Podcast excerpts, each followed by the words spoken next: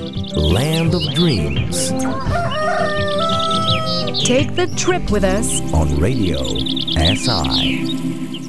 Today we're with Tom, who's a busy man in Slovenia. Is that right? Yeah, that's pretty pretty accurate, I think. I am uh, Tom, uh, Tom Norman. I am from Essex in England, uh, which is about an hour and a half from London uh, by train. And uh, yeah, I've, I've been here now for two and a half years in Slovenia. Originally, about three years ago, I was doing a project called How to Travel the Land for Less Than a Grand.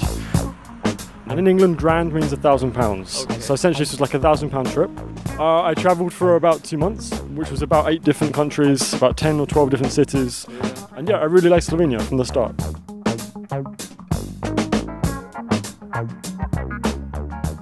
Basically, after that, I came back to England and I wrote a book with the same title, uh, How to Travel the Land for Less Than a Grand. And you know what, the biggest thing, I, I realised then and there that if I have to go get another job in an office doing something I don't enjoy, the biggest thing I would regret would be not just going back to Slovenia and seeing what happens.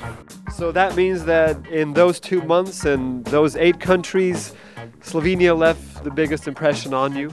Yeah, that's exactly right. Within one hour of being here, sat at the Ljubljanica, I was drinking coffee, reading a book, and it was then, it was bright sunshine, it was the beginning of March, and it was then that I realised, wow, this is a really cool place. And it kind of stuck with me ever since then. I do a lot of online work, so some of it's been like writing or blog posts and stuff. Other things have been working in the hostels. Uh, recently, I was working in Zifferblatt Ljubljana, which is a time cafe yeah, with lots of events and things like that. And yeah, essentially that's the kind of thing. Just lots of creative work, but essentially lots of little pieces, which just help me to get by. Essentially, And at the moment, what are you involved in now? I have a project called How to Be Human. Essentially, this is You're uh, teaching people how to be human, uh, if only I knew. I'm just kind of like speaking to people about what it's like to be human, trying to find the answer together. yeah. Exactly that. So basically, it's an event. Lots of us get together and kind of discuss like different topics such as you know jealousy, fear, and we kind of get together in a small group and kind of discuss these really important subjects. Um, and eventually, the plan is to make another book one day with the same title, How to Be Human, How to be a human by Tom Norman. by Tom Norman. Yeah, exactly. Just kind of getting people to open up their perspective about who they are, about what it really means to be who they are, and most importantly, have conversation with one another about that too. Because it's, you know, what, it can be very isolating to be stuck in your head throughout your entire life without ever really sharing these important things, right? So this is kind of what I'm trying to do is get people to come out of their head for a while and communicate with one another. In the meantime, though, living here and working on all these projects, is there something else keeping you here as well? Like a person or It's kind of a leading question, actually. No, actually, I have got, uh, you know, a girlfriend, but it's not like most English people I know living here. They fall in love and they decide to move here because Slovenia is really cool, right? For me, it was the opposite. I fell in love with Slovenia first, like spent some time here, and you know, slowly things have just happened like that. So yeah, it's uh, it was definitely the other way around to normal. You're listening to Land of Dreams this week with Tom Norman, an Englishman living in Slovenia. so this is Ljubljana. This is Ljubljana. Know her pretty well right now. It feels like home. Oh, definitely right. Right now, uh, Ljubljana is more home than Essex and England is completely. Mostly because the last two and a half years I've really developed and grown as a person too. Okay. So the person I am today is probably the closest I've been so far in my life to the person I feel like I really should be and could be. And this has all kind of happened within Ljubljana. So Okay. for me, it's a city which has, you know, symbolised my growth as well as, you know, just my home for the last two years. What are some of the Slovenian things that you've adopted, that you've started doing and are not English? Okay, the first, yeah, yeah, sure. The first, there's one thing which in England, dinner is the biggest meal of the day, right?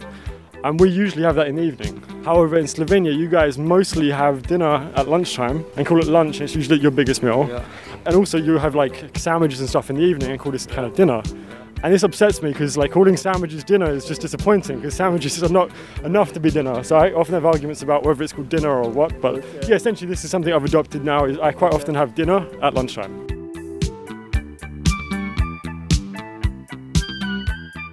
I, have been learning the language quite a little bit too.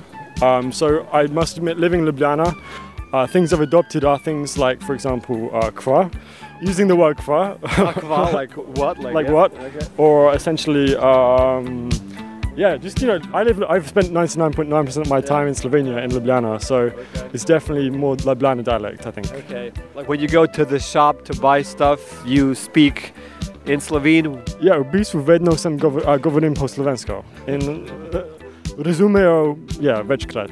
Okay.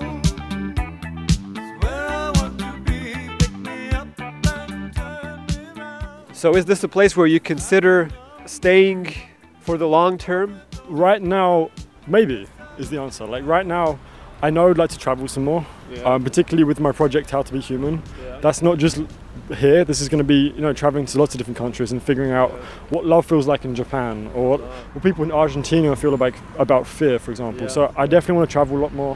But who knows? After that, right now it's the closest place that I've felt like at home. So who knows? Long term, this could be the place I return back to. Could Slovenia be the land of dreams? Um, yeah, sure. Like it's. Is there a land of dreams? I don't think so. You've got to sort yourself out first. And then maybe after you've done that, you can find a place which is suitable for you. Yeah. I don't think Ljubljana or Slovenia is suitable for everyone. Um, everyone has different requirements, um, different reasons, different things which keep them alive. But Ljubljana and Slovenia definitely has a lot going for it, both in its beauty, in its in its like intimacy and its size. So yeah, it's definitely very possible to become a land of dreams essentially. Okay.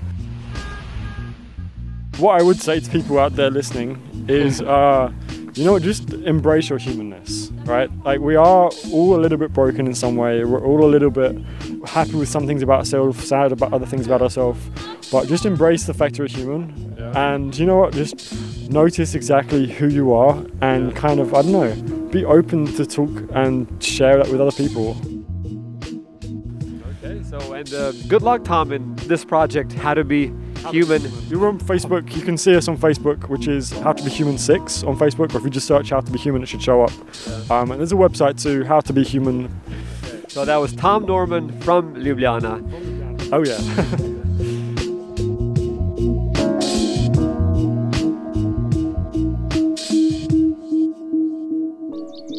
Land of Dreams. Only on Radio SI.